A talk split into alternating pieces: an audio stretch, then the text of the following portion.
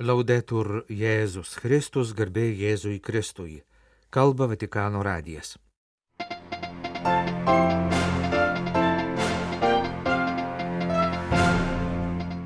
Trečiadienį nebuvo bendrosios audiencijos, nes popiežius šią savaitę skyrė rekolekcijoms. Popiežiaus užuojauta dėl žuvusiųjų traukinio katastrofoje Graikijoje. Popiežiaus nurodymu Romos kurijos vadovai mokės gyvenamo būsto nuomos mokestį. Šventasis sostas dalyvaus šių metų Venecijos architektūros bienalėje. Popiežius parašė pratarmę dvasininkijos dikasterijos prefekto knygai Rytų bažnyčių patriarchai apie gavėnę ir pasninką. Šį trečiadienį Vatikane nebuvo tradicinės bendrosios audiencijos, nes popiežius Pranciškus ir Romos kurijos vadovai šią savaitę skyrė gavėnios rekolekcijoms. Popiežius paragino Romoje gyvenančius kardinolus ir Romos kurijos dikasterijų vadovus nuo sekmadienio vasario 26 popietės iki penktadienio kovo 3 popietės skirti privačiai atliekamoms gavėnios rekolekcijoms, maldai ir susikaupimui. Dėl to šią savaitę sustabdyta visa popiežiaus viešoji veikla. Romos kurijos rekolekcijų tradiciją 1929 metais įvedė popiežius Pijus XI. Iki Pauliaus VI laikų rekolekcijos vykdavo ne gavėnios, o advento laikotarpiu. Paprastai rekolekcijos vykdavusios Vatikane. Popiežius Pranciškus savo pontifikato pradžioje jas perkelė į Aričios miestelėje netoli Romos esančius rekolekcijų namus. Šį paprotį nutraukė pandemija, dėl to pastarųjų keliarių metų, kaip ir šių, rekolekcijos vyksta privačiai. Popiežiaus valstybės sekretorius kardinolas Pietro Parolinas pasiuntė telegramą Graikijos vyskupų konferencijos pirmininkui vyskupui Petrosui Stefanu ir Pranciškaus vardu perdavė užuojautą Graikijoje įvykusios traukinio katastrofos aukų artimiesiems. Antradienio vakarą netoli Larisos miesto už beveik 300 km į šiaurę nuo sostinės Atenų keleivinis traukinys susidūrė su krovininiu. Žuvo ne mažiau kaip 38 žmonės, daugiau negu dvigubai daugiau buvo sužeisti. Popiežius Pranciškus liūdė sužinojęs apie traukinio katastrofą įvykusią prie Larisos, meldžiasi už žuvusiuosius. Patikėdamas žuvusiųjų sielas visagaliu Dievo gailestingumu, jis reiškia nuoširdžią užuojautą artimųjų gedinčioms šeimoms, rašo kardinolas. Atsižvelgdamas į ekonominės padėties rimtumą, popiežius panaikino normas leidžiančias nemokamai arba lengvatinėmis sąlygomis naudotis šventojo sosto institucijoms priklausančių nekilnojamų turtų. Apie tokį savo sprendimą popiežius Pranciškus pranešė vasario 13 dieną suteikęs audienciją ekonomikos sekretoriato prefektui Maksimino Kabaliero Lėdo. Popiežiaus sprendimas buvo paskelbtas audiencijos reskripto forma. Norma taikoma šventajam sostui priklausančiuose nekilnojamojo turto objektuose gyvenantiems kardinolams, Romos kurijos dikasterijų prefektams, sekretoriams, pasekretoriams, bei jiems prilykstantiems kitiems vadovaujamas pareigas einantiems asmenims, taip pat Romos Rotos tribunolo teisėjams. Institucijos, kuriams priklauso nekilnojamasis turtas, turės taikyti vadovaujamas pareigas einantiems asmenims tokius nuomos įkainius, kurie yra taikomi kitiems asmenims dirbantiems Šventojo sosto ir Vatikano valstybės institucijose.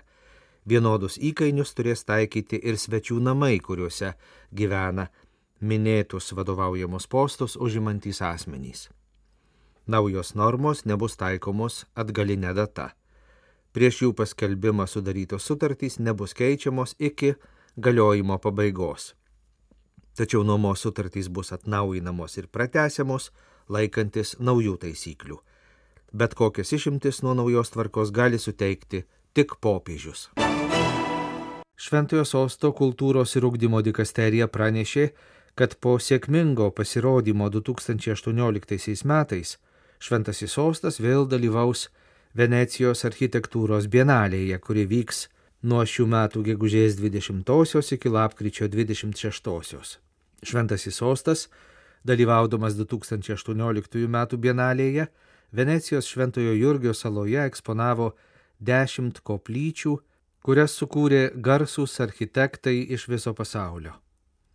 Šiais metais Šventojo sosto paviljonas vėl bus įrengtas Šventojo Jurgio saloje, tačiau ne salos soduose, bet Benediktinų abatijoje ir jos sodelėje.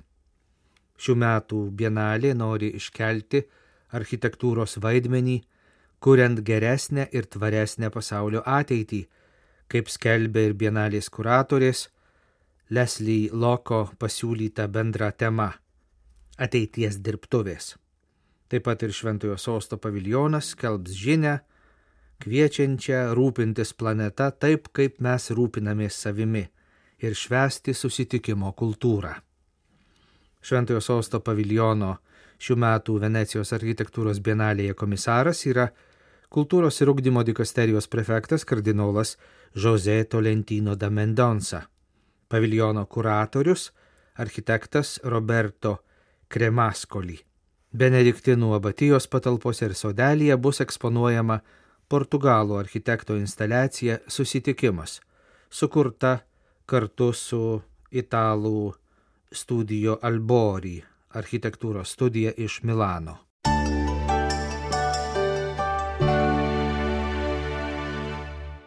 Kai Pranciškus 2021 m. birželį pakvietė Pietų Korejos Tedžono viskupijos ganytoją Lozorių Jų Heung Siką tapti dvasininkijos dikasterijos prefektu, daugam tai buvo staigmena. Mačio ganytojo vardas mažai buvo žinomas už jo krašto ribų. Kai kas atkreipė dėmesį į kultūrinės aplinkybės. Popiežius norėjo į Romą pakviesti jaunos, energingos, misionieriškos bažnyčios atstovą iš Azijos.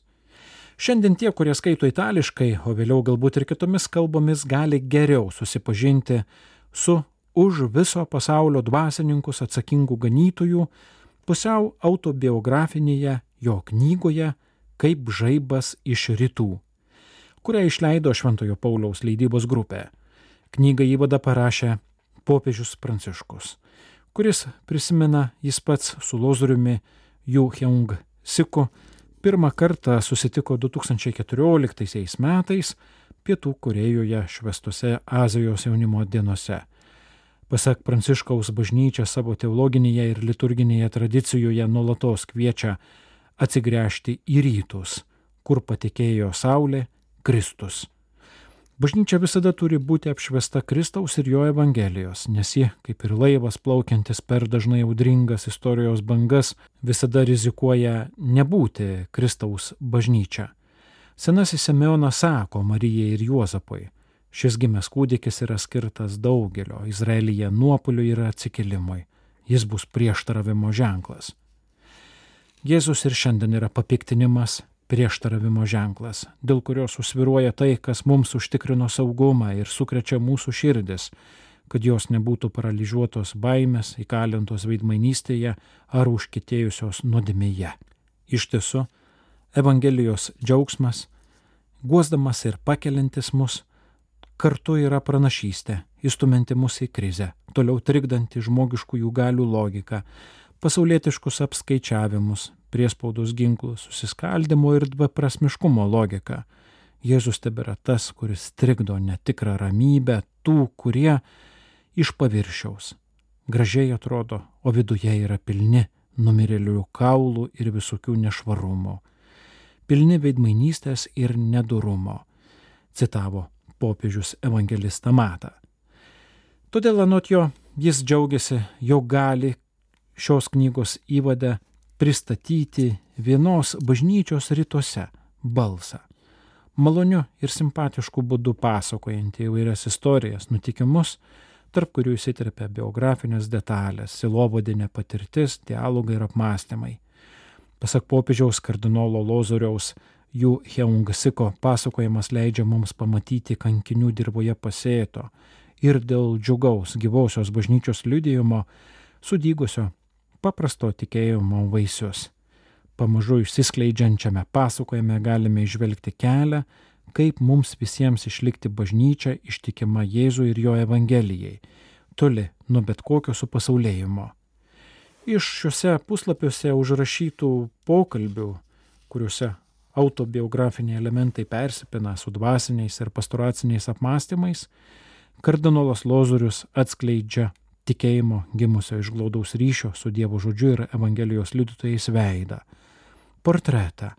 Jaunos ir iniciatyvios bažnyčios, gimusios iš pasauliečių, tapusios vilties ir užuojautos įrankių sužeistiesiems, paveikslą kunigiškos tarnystės, kuriai reikia atgimti Evangelijos šviesoje, atsikratyti bet kokio klerikalizmo ir permastyti save šalia ir su savo broliais ir seserimis pasauliečiais, sinodinėse ir silovadinėse bendruomenėse.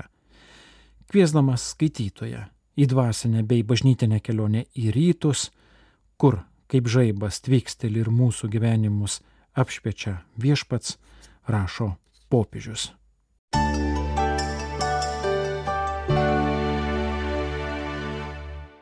rytų bažnyčių patriarchai pakvietė savo tikinčiuosius į didįjį pasninką, bažnyčios mokytojų mintimis guosdami ir drąsindami visus kenčiančius ir vargstančius nuo žemės drebėjimų, skurdo, konfliktų ir politinių krizių.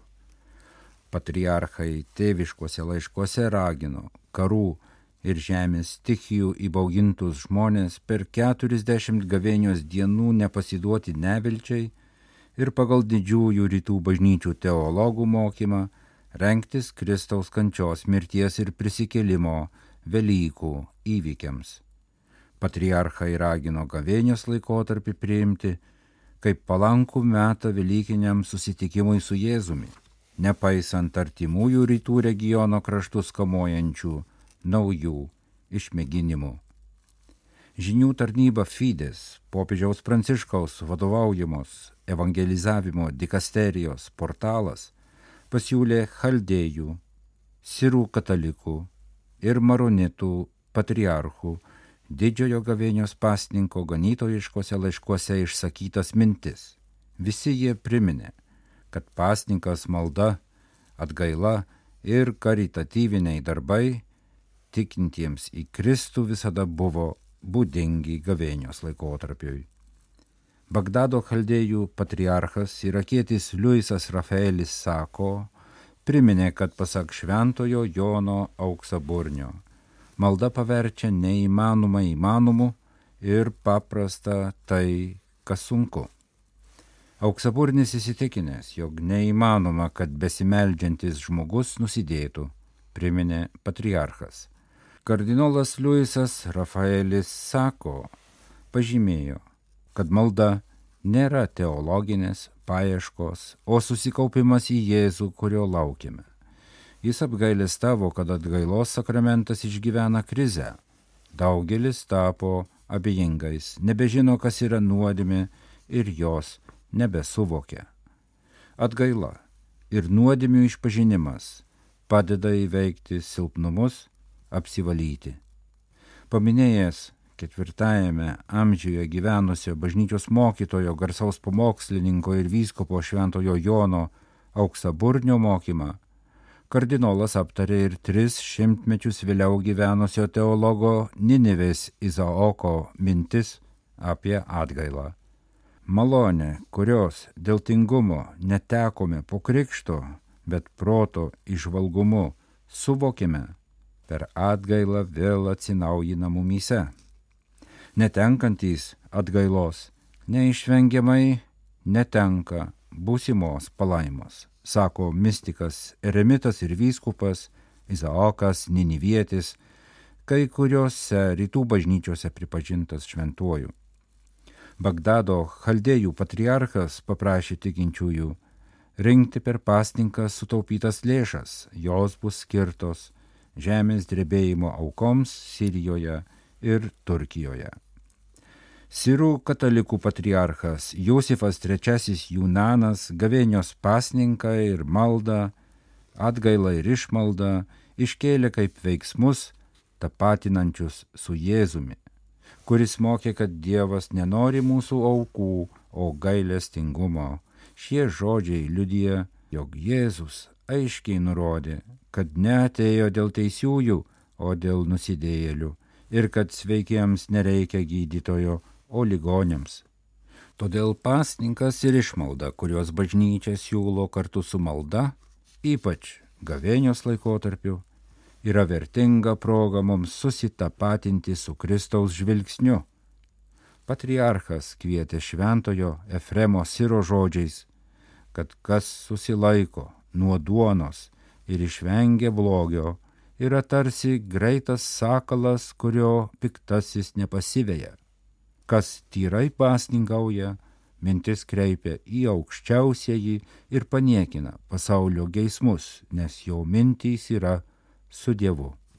Pacitavęs trečiajame amžiuje gyvenusi ir visų krikščionių gerbiamą bažnyčios mokytoją, beje, kalbėjusi aramietiškai, tai yra ta pačia kalba, kurią Jėzaus laikais ir šimtmečiais vėliau kalbėjo ir rašė žydai bei sirai, sirų katalikų primas Jusifas III Junanas pacitavo popiežių Benediktą XVI, primindamas, kad kol gundytojas mus stumia į beviltiškumą arba siūlo tuščią viltį per mūsų rankų darbus, tada Dievas mus apsaugo ir palaiko.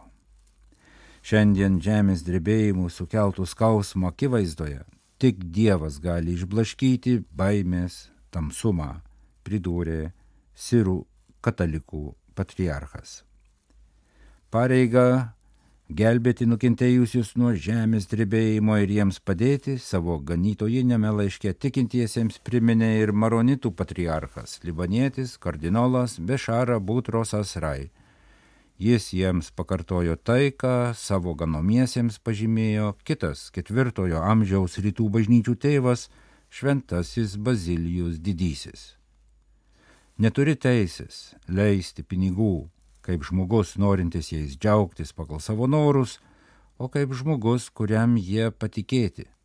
Maronitų patriarchas paminėjo ir teologo šventojo Grigaliaus Nisiečio beje minėtojo Bazilijaus didžiojo jaunesniojo brolio, irgi bažnyčios mokytojo mokymą. Kas iš tavęs trykšta nėra tavo, todėl negali skelbtis esas šeimininku. Libano maronitų patriarchas pridūrė, kad pasninko taisyklė ta, kad tai, ką sutaupome pasninkaudami, skirta padėti tiems, kuriems reikia pagalbos.